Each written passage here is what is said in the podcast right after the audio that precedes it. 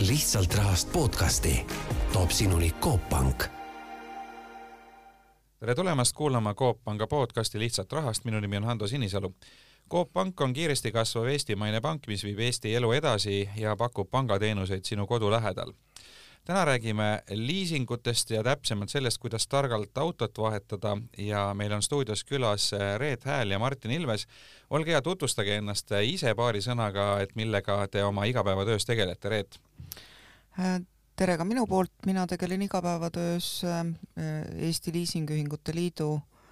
äh, juhtimisega ja olen seal tegevdirektor, meile liitu kuulub hetkel kaheksa liisingühingut, kes siis kõik on kas ise krediidiasutused või krediidiasutuste äh, finants, finantstütred. ja Martin äh,? tere minu poolt, äh, Martin Ilves nimi ja hetkel juhin Coop Liisingut. olen juhatuse liige, tegevjuht räägime alguses kohe mõistetest, paneme selle paika, et, et kuulajatel oleks selgus majas, et mida täpselt liising endast kujutab ja mille poolest ta erineb siis tavalisest laenust no põhiline erinevus on see, et seesama vara, mille klient on välja valinud ja mida ta tahab finantseerida, jääb ka selleks tagatiseks, selle lepingu tagatiseks, ehk kui me räägime laenust, siis reeglina laenule ikkagi tahetakse väga palju erinevaid tagatisi veel lisaks. ja põhiliselt on liisinguid siis kahte tüüpi, üks on siis kasutusrent, teine on kapitalirent ja erinevus on selles,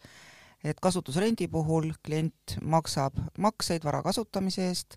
ja ühel hetkel, kui me räägime näiteks autost, ta enam seda autot kasutada ei taha, siis lihtsustatult öeldes äh, viib võtmed tagasi ütleb, ma rohkem selle autoga sõita ei taha, noh jah, lepingu nüansse on seal erinevaid.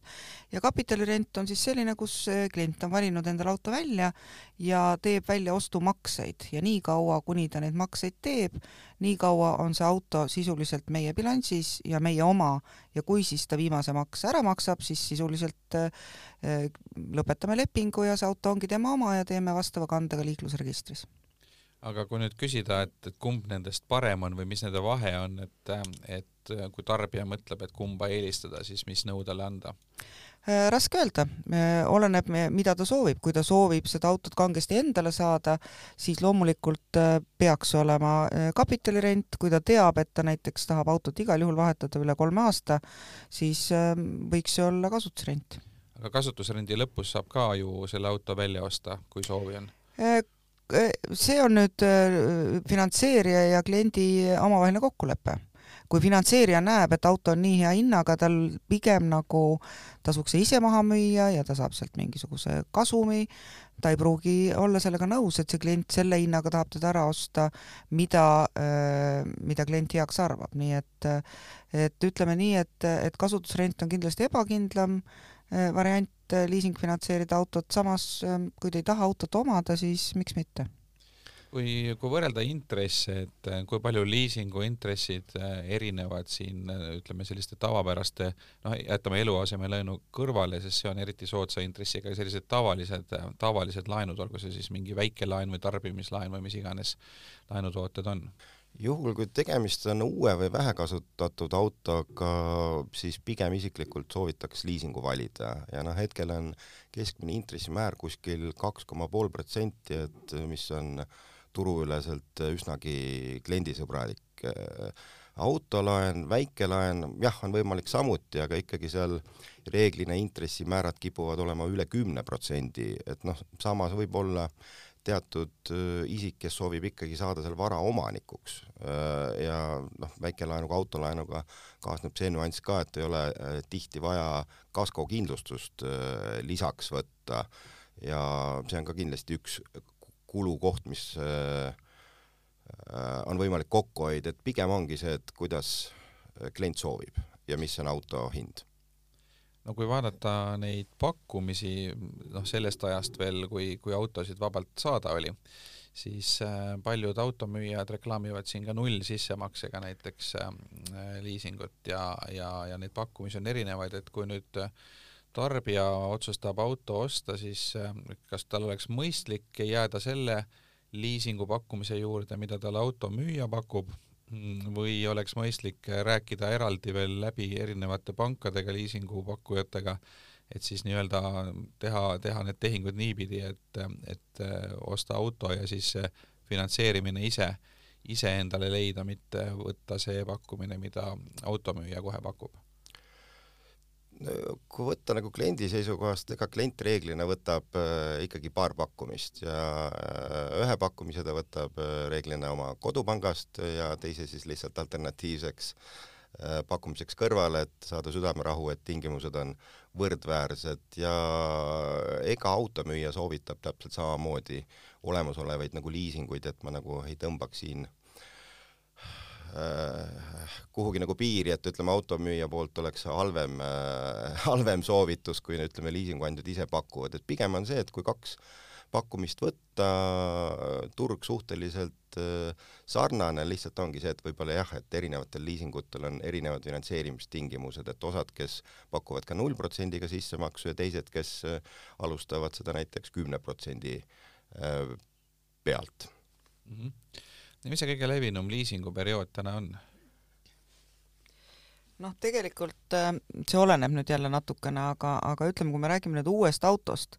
siis reeglina see elutsükkel või, või see, kui pikalt see uus auto võib olla näiteks äh, meie äh, portfellis ja meie, meie nii-öelda orbiidis üldse küll aga ei pruugi see olla sama liisingfirma, aga erinevate liisingfirmade vahel näiteks, siis reeglina, kui klient soetab uue auto, siis, siis ta soetab selle kuskil seal kolmeks-neljaks aastaks ja väga tihti ka pikendab lepingut veel paar aastat, noh, või siis ei pikenda ja vahetab auto välja, aga seejärel leiab reeglina siis äh, Äh, sõiduki uue omaniku ja, ja jälle pikendatakse lepingut äh, kolme kuni viie aastani juba selle uue omanikuga näiteks, kui see esimene omanik endale uue auto muretseb. nii et meie portfellist lahkub tegelikult see auto kuskil kümne-kaheteist äh, aasta pärast alles, nii et, et see on sisuliselt see, kus noh, ideaaljuhul nii-öelda see auto ongi, ongi meie portfellis ja, ja meie lepingute all aga kui nüüd äh, tegu on sellise autoomanikuga, kes kergesti äh, väsib ära ja tahab kogu aeg uut ja huvitavat proovida, et äh, kas selline lähenemine on ka võimalik, et ma näiteks, ma ei tea, noh, kas nüüd lausa iga kuue kuu tagant, aga iga aasta vahetan auto välja, et mul, mul ongi näiteks niimoodi sõlmitud need lepingud, et see kestab ainult ühe aasta, et see, see kolm kuni viis aastat on tavaline, ilmselt sellel on mingi põhjus, aga aga kas, ähm, kas oleks mõistlik, kui, kui ma tõesti tahaks kogu aeg uusi autosid proovida, teha ka selliseid äh, üheaastaseid lepinguid? ja loomulikult kõigil on lihtsalt oma hind. absoluutselt, eksklusiivsus, eksklusiivsus on alati nagu äh, kallis. noh, ütleme jah, et ütleme, mass on ikkagi tükiliselt äh, enim sõlmitud lepingud on viieks aastaks, et aga see ühe aasta leping, mis selle probleem siis on, et pigem on probleem selles, et äh, võib-olla see kuukulu läheb äh, sulle liiga kalliks. et äh, ikkagi, et kui vaadata nagu seda viite aastat, et ega inimene reeglina auto ostul liisinguga mõtleb, et ta kasutab seda pikemaajaliselt ja noh, see reeglina vahemik ongi siis kolm kuni viis aastat ja ta arvestab, et mis on tal võimalus kuus autole kulutada ja vastavalt sellele äh, ta liisingu nagu valib, et võib-olla see noh, kui võtta nüüd kuni üks aastat, et noh, siis on meil sellised toredad konkurendid, kes pakuvad võtan hommikul, toon õhtul tagasi ja samuti nagu rendifirmad, aga kui me ikkagi hakkame nagu neid rendi, renti liisinguga võrdlema pikaajalises perspektiivis, et siis ikkagi tahaks öelda, et et liising kipub nagu madalama kuukuluga tulevat, muidugi, et kui arvestada sinna kasko, hoolduse kõik sisse, et siis ta võib kippuda sinnasamma kanti tulevat, aga jah, nagu Reet ütles, et lühiajal, lühiajaliselt paratamatult äh, kuulub kuukulu on nagu kõrgem, et selle vastu ei saa ja eks äh, see on tingitud siis sellest, et auto amortiseerub esimene aasta kiiremini kui hilisemad aastad, eks ole, et ta väärtus langeb kohe alguses ruttu ja siis hiljem nagu aeglasemalt no just. jah, et noh, kui kõverat vaadata, et ega see auto hinna kukkumine on reeglina esimesel-teisel aastal, et kui vaadata see kolmas, neljas, viies, kuues, et sealt ta juba hakkab suhteliselt äh, äh, stabiilselt sama protsendiga nagu minema ja, ja noh, siia ongi küsimus, et kui klient soovib selle võimaliku kaotuse nagu enda kanda võtta, et äh, jah, sellel on oma hind aga siis kõige kasulikum oleks äh, liisida kogu aeg selliseid umbes üks-kaks aastat vanu autosid, et ma mõtlen tarbija seisukohast, et, et ma äh, okei okay,, jääb see uue auto lõhn ja kõik, kõik need momendid ära, aga, aga nagu puhtfinantsiliselt kõige otstarbekam oleks mitte osta tuttu uut autot, vaid selline kergelt kasutatud. Kas sa tahad nüüd defitsiiti lisada turule või? Tegelikult sul on õigus jah, aga, aga noh, tänapäeval me oleme sellises kummalises turuolukorras, et, et siin nagu ütleme nii, et platsidel palju valikuid ei olegi. Et, et jah, et hetkel on pigem, pigem see situatsioon, et juhul, kui saad, näed sobivat pakkumist, ära kaua mõtle. no, no see, see olukord võib... ilmselt ka noh, ma, ma, ma arvan, et ei kesta igavesti, et eks olud muutuvad ja me kõik mäletame veel seda aega, kus platsid olid pungil täis ja reklaamid igal pool väljas, et tulge ostke uus auto. noh, jah, et võib-olla lisada veel, et ega see kui võtta nagu seda auto kasutajat, ega see esimene noh, ma nimetan seda siis nagu armumisfaasiks, et see armumisfaas saab kuskil kolme aasta jooksul läbi ja siis tekib võib-olla selline äh, mõte, et kas ma olen äh, väga rahul oma autoga, et ma sõidan nüüd paar-kolm aastat rahulikult nagu edasi või siis on see, et kolm aastat möödas vajan midagi nagu uut, et ega siin ei ole õiget valet, et siin on pigem selline,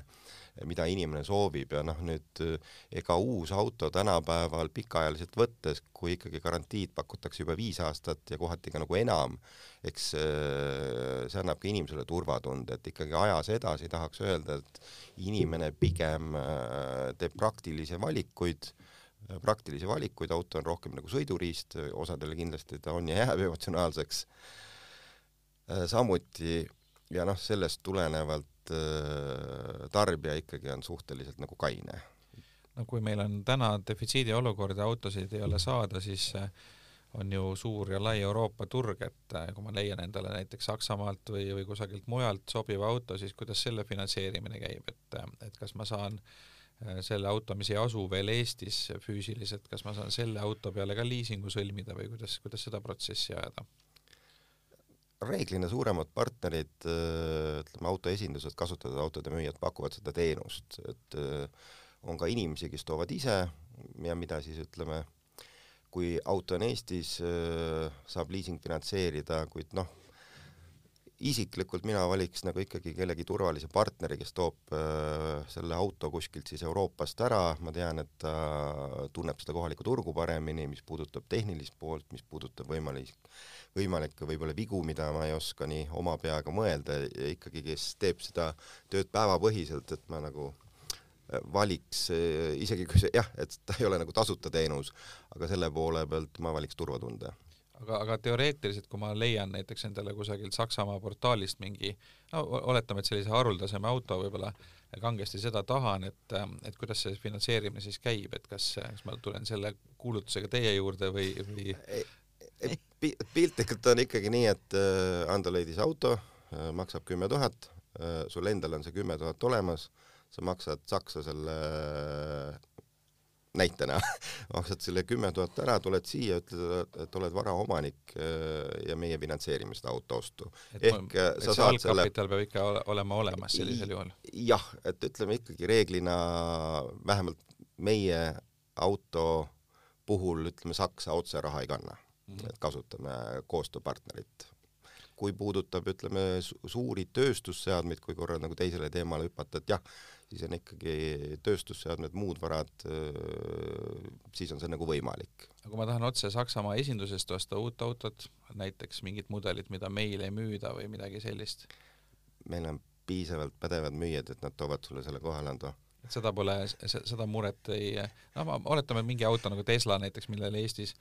tegelikult nagu ametlikku müügiesindust ju ei ole või noh, vahe, vahendajaid on, aga, aga ametlikku esindust ei ole, et et kui ma tahan seda osta või noh, nüüd on see vähemaks jäänud, aga mingil ajal toodi ka Ameerikast huvitavaid autosid. et, et selliste asjade finantseerimine, et, et kuidas see siis käib, samamoodi, et ma ostan selle enne välja ja siis kui ta on juba kohal ja ära registreeritud, et ta ikkagi on sobiv meie teedel sõitma, et siis ma võin seda liisingusse võtta või kuidas see käib? Jah, eks siis liisingfirma otsustab ju tegelikult ikkagi meie väga üksikud juhtumid, kui noh, see peab olema siis väga usaldusväärne klient või pikaaegne klient meil, aga väga üksikud juhtumid, kui me päris niiviisi autosid finantseerime, et nii suur häda meil nüüd oma, oma raha nii-öelda äh, nii riskantsesse lepingusse panna ka ei ole. Ameerika autodest hästi põgusalt äh,, kui Ameerikast tuleb auto, siis kuhu ta tuleb, kas otse Eestisse, siis me teame, et ta on Ameerikast tulnud ja me saame kontrollida äh, meie ei saa, meie koostööpartnerid saavad kontrollida, mis on tema taust. kui ma ostan Ameerika auto äh, Saksamaalt, siis ennem võib ta olla olnud Hollandis, Lätis, Poolas, tegelikult see auto ajalugu kõik kustub ja me pigem ei sooviks selliseid autosid äh, finantseerida, kui meie lepingupartner, automüüja või, või selle auto hindaja ütleb, et kõik on korras, siis jah, aga siin on ka alati selliste autode puhul unikaalsed, toredad, eriti kui nad on teisese turu autod, siis reeglina miks seda ostetakse, jube äge, jube suur, jube ilus ja jube odav. noh, seal on kohe nagu siis tuleb osta kaks asja või kolm asja, eks ole, aga, aga odavat ja head kindlasti me ei finantseeri. Mhm. et see on liiga ilus, et olla tõsi? see on liiga ilus, et olla tõsi reeglina, jah. aga, aga Teslade puhul jah, kui sa juba elektriautode teemale läksid, siis jah, ega neid palju Eestis ei ole elektriautode puhul on, äh, on, on siin nagu mitu momenti, et ühest küljest äh, on, on see väga moodne teema ja, ja ma saan aru, et äh, tegelikult pangad ka vähemalt on deklareerinud seda, et et varsti tuleb kätte aeg, kus loodust saastavaid projekte üldse pangad ei finantseerigi, et, et on erinevad nõuded, et kõik peab olema roheline ja, ja autod on, on ka siis üks osa sellest äh, paketist, et, et äh, kas üldse täna näiteks ma ei tea, bensiinimootoriga või hoidku jumal veel diiselmootoriga autot äh, üldse oleks mõistlik osta, et äkki liisingperioodi lõppedes seal umbes viie aasta pärast ei tohigi seda müüa enam? no ütleme nii, et eks pangad ja finantseerimisasutused, eriti suured korporatiivsed pangad ja finantseerimisasutused on jah, seadnud juba Äh, siin, kui me vaatame nüüd Euroopat, äh, juba endale eesmärgiks äh, näiteks kahekümne seitsmendaks aastaks viiskümmend viis protsenti oma autopargist peavad olema rohelised autod nii-öelda ehk elektriautod ja ja kaks tuhat kolmkümmend lausa seitsekümmend viis protsenti, nüüd mina ütleksin küll, et see on tore jutt kõik,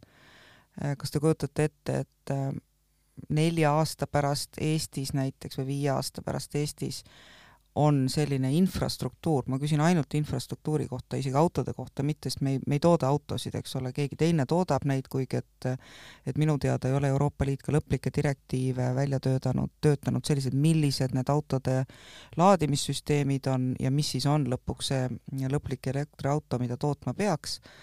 kui me sajaprotsendiliselt nendele ükskord üle läheme, aga ma arvan, et Eestis infrastruktuur tuleb kõigepealt ette ja loomulikult siis, kui me lõikame ennast välja Vene elektrist ja, ja, ja äh, siis, siis oleme proble-, probleemi ees, see elekter tuleb. meil oli, nagu me teame, paar päeva tagasi siin suur torm, eks ole, meil oli kohti, kus oli elektrikatkestus kolm ööpäeva. et äh, noh, ma praegu nagu jul-, julgustaks küll kõiki, et võib veel osta ja toon siin sellised põnevad äh, Äh, põnevat statistikat ka natukene, et ähm, esimesed elektriautod osteti meil siis kaheksa tükki kahe tuhande kaheteistkümnendal aastal. ja, ja need olid siis äh, uued sõidukid ja, aga esimene nii-öelda kasutatud sõiduk siis ähm, kahe tuhande kolmeteistkümnendal aastal. ja nüüd, kui vaadata veel nende uute sõidukite ostmist, siis selge tendents on olnud, et kui neid on toetatud, Äh, see oli siis aasta kaks tuhat kolmteist, neliteist, siis on neid ostetud siin kaks tuhat kolmteist neliteist tükki ja kaks tuhat neliteist kolmkümmend kaheksa tükki. Ja siis läheb see kõver jälle väga alla, ehk kaks tuhat kuusteist näiteks osteti ainult seitse autot. nii et kokku on üldse kahe tuhande kahekümne esimeseks aastaks ostetud kasutatud autosid sada üheksakümmend neli ja uusi autosid kuussada viiskümmend seitse, et me räägime nagu nii väiksest numbrist ja kui nüüd rääkida sellest aastast, siis see number on kakssada kuuskümmend seitse, eelmine aasta kakssada kakskümmend kuus ja kokku on meil kaheksasada viiskümmend üks autot üldse äh, registreeritud Eestis. no Eesti liisingühingutel on sõiduautosid sada seitseteist tuhat portfellis või kui no. see, kui see statistika nüüd viia kokku selle Euroopa Liidu direktiiviga finantseeringute osas, siis tähendab seda, et et kui täna on elektriautode osakaal seal noh, ma peast ütlen mingi üks protsent või alla selle, eks ole, siis äh, viie aasta pärast peaks olema pooled. no see on jabur, et see on, et see no, ei ole vist ärme võta neid asju nii tõsiselt, see ei ole realistlik. Eh, ütleme jah, et siin võib-olla lisada, et äh, see mõte on ilus ja ütleme noh, tervikuna peab keskkonna peale mõtlema, aga noh, kohati võib-olla tekib see tunne, et võib-olla inimesi natuke, inimesed on hirmunud, et täpselt seesama küsimus, mis sa küsisid, et kas ma julgen bensiini- ja diisliautot nagu osta, et noh, tahaks ikkagi väita, et kõik liisingutaotlused täna on bensiini, ütleme jah, et enamus on ikkagi bensiin-diisel. loomulikult hübriidi osakaal äh, kasvab äh, ajas kindlasti kasvab ka nagu elekter, aga küsimus ongi, et mis see protsendimäär on, aga, aga noh, ütleme, et seda rõhutada, et ütleme, et see diisliauto viie aasta pärast on väärtusetu, et eh, seda ma ei usu. No teine lähenemine on ka see, et, et eh, on ka bensiinimootoriga autosid, mis on väga säästlikud, mis kulutavad võib-olla seal mõne liitri saja peale ainult kütust, eks ole, ja siis on meil eh, veel täna, ma just üks päev juhtusin vaatama Ameerika autode müügi statistikat ja ja minu teada vist kõige enim müüdud auto Ameerikas oli Ram, mis on siis, ma ei tea, nelja või kuueliitrise mootoriga äh, see truck, eks ole, mis on noh, nii, nii keskkonnavaenulik kui üldse olla saab, et, et see no ütleme, retoorika on üks ja, ja siis see nagu tegelik tarbijakäitumine teine ja seal vahel on väga suured käärid, aga, aga nüüd äh, elektriautode puhul on üks teema veel, äh, mida me tegelikult täna veel vist väga täpselt isegi ei tea, kuna nad on liiga lühikest aega turul olnud ja see puudutab nende, nende eluiga. ehk et kõige kallim komponent elektriautost on teatavasti aku ja see, kui kaua see aku vastu peab, selles osas noh, üks asi on tootja garantii, aga teine asi on see praktiline äh, noh, kuidas seda on hooldatud ja, ja millised temperatuurid on ja, ja kui palju teda laaditud on ja kui tihti ja, ja milliste seadmetega kõik sinna juurde kuulub, et et kui ma ostan täna elektriauto, et, et kui, kui kindel ma võin olla, et ta viie aasta pärast näiteks on, on ikka täiesti veel sama võimekas, kui, kui ta oli uuena? ega sa ei võigi ja me siin ei ole autotootjad, aga teatud äh, autofirmad ka juba pakuvad ju seda võimalust, et akud vahetatakse välja. mul on lihtsalt äh, tütar elab Ameerikas ja ma tean, mis seal toimub. Äh, ta ostis endale mm, Volkswagen äh, täiselektriauto ja seal näiteks viie aasta jooksul, viie aasta pärast vahetatakse akud välja, pluss kolme aasta jooksul on ta tasuta elekter ehk noh, seal on hoopis teised dimensioonid, et proovime jääda siia Euroopasse, need on, need on absoluutselt äh, nii-öelda teised äh, kategooriad, äh, millega seal arvestatakse. Äh, selles suhtes on sul sada protsenti õigust, et ka meil ei ole seda kindlust, et et elektriauto on elektri, tähendab, on keskkonnasõbralikum. kui me räägime akudest, siis see on meie peamine probleem, sest meie peame tegema õige arvestuse õige arvestuse jääkväärtuse osas autodele, mis meil on portfellis nii et, äh, et siin on väga suur probleem. Äh, sa räägid CO2-st, olen jällegi nõus, CO2 ju tegelikult on viidud sellele tasemele, mis Euroopa Liit kunagi ette pani, et see olema peaks aga räägime nüüd ka koksist ja noksist, võib-olla me ei räägi, see läheb liiga pikaks, aga siin on veel neid äh, saastemõõtureid, äh, kuhu tuleks viia tegelikult, äh, mis tuleks samamoodi alla viia. Ja ega koks ja noks ei kao kuhugi, sest rattad on kõigil all ja, see lisasaaste, mis sealt tuleb, see tuleb paratamatult juurde. nii et mina ei, isiklikult kahjuks ei usu, et elektriauto on palju mm, keskkonnasõbralikum, seda enam, et mõelge nüüd, kust see elekter tuleb ehk see, et, et kaob ära meie kivisöeelekter, noh, võib-olla ta kaobki kunagi ära, aga, aga praegu, kui Eestis äh, nii-öelda tankida elektriga elektriautot, siis sisuliselt on see saastepunkt lihtsalt viidud äh, Ida-Virumaale, et, et, et ta siin ei saasta, aga saastepunkt on mujal, et et see kõik on natukene selline pop-, populistlik, ma ütleks, praeguses faasis veel ma just äh, lugesin Elon Muskist ühte raamatut ja tema visioon oli see, et Tesladega koos peaks inimesed panema oma kodudesse ka päiksepaneelid, et, et nii-öelda sa ostad auto koos äh, nii-öelda off-grid äh, laadimisega, et, et siis sul on nagu see kodune elektrijaam ka, et sa nagu oled täiesti sõltumatu siis. vaata, mis laiuskraadil Musk elab ja kus meie elame. et kui meil oli selle aasta jaanuaris, meil ei olnud päikest, ei, meil ei olnud päikest Äh, meil oli miinus kakskümmend viis, meil ei olnud tuult ja, ja kogu hüdroelekter, mille peale me lootsime, Norra, Soome äh,, oli jäätunud ja lõpuks panime ikka oma, oma põlevkivi käima, et, et noh, see on meil kõik nii lapsekingades, et äh, ma arvan, et nüüd autoliisingu otsuseid ei peaks küll veel nii globaalsel tasemel nagu mõtlemisega tegema, et proovime asju kuidagi lihtsamalt ja, ja talupojatarkusega ajada. aga kui ma võtan praegu äh viieaastase liisingperioodi ja võrdluses elektriauto ja bensiiniauto, mingi võrreldava, noh, ma ei tea, näiteks Nissanil vist on, on suhteliselt võrreldavad autod, kumma jääkväärtus on täna kõrgem, kas bensiinimootoriga autol või elektrimootoriga autol? elektrimootoriga autol, sellepärast et ta on kallim ilmselgelt aga protsentuaalselt ma mõtlen seda, et, et, et kas noh, ma ei tea, mis iganes viie aasta jääkväärtus on seal kakskümmend protsenti või midagi sinna kanti, et ütleme noh, reeglina on see viie aasta möödudes tavaautol olnud kuskil kolmkümmend, et kui jah. vaadata nüüd võib-olla viimaseid aastaid, et siis jah, et ta pigem on kasvanud, mingid margid, mudelid võivad olla ka nagu neljakümne juures, kui ütleme, rääkida siin nagu automüüjatega, ega nemad julgevad äh, samuti pakkuda kolmkümmend. et noh, selles suhtes, et võib-olla, et ikkagi suurusjärk on suhteliselt äh, samma kanti ja noh, kui vaadata seda äh, kui vaadata võib-olla, kes see selle elektriauto nagu ostab, et siis mulle ikkagi tundub, et, et pigem nagu sellised asjaarmastajad nagu fännid, et kes tahavad nagu proovida ja kes võib-olla on keskmisest jõukam ja kellel on nagu võimalus äh, proovida, võetakse ka lühemaks perioodiks, et puhtalt, et saada see tunnetus kätte, et kas see on nagu, kas sobib mulle või mitte. Ja ega kasutusrendi puhul ongi see võimalus, et sa võtad ikkagi ta teatud perioodiks ja ei soovi vara välja osta, kui see võimalus on olemas, tagastad automüüjale, tasutakse jääk, et noh, ta on selles mõistes ikkagi nagu äh, turvaline ja see kuukulu ka ikkagi suhteliselt äh, mõistlik ja noh, võib-olla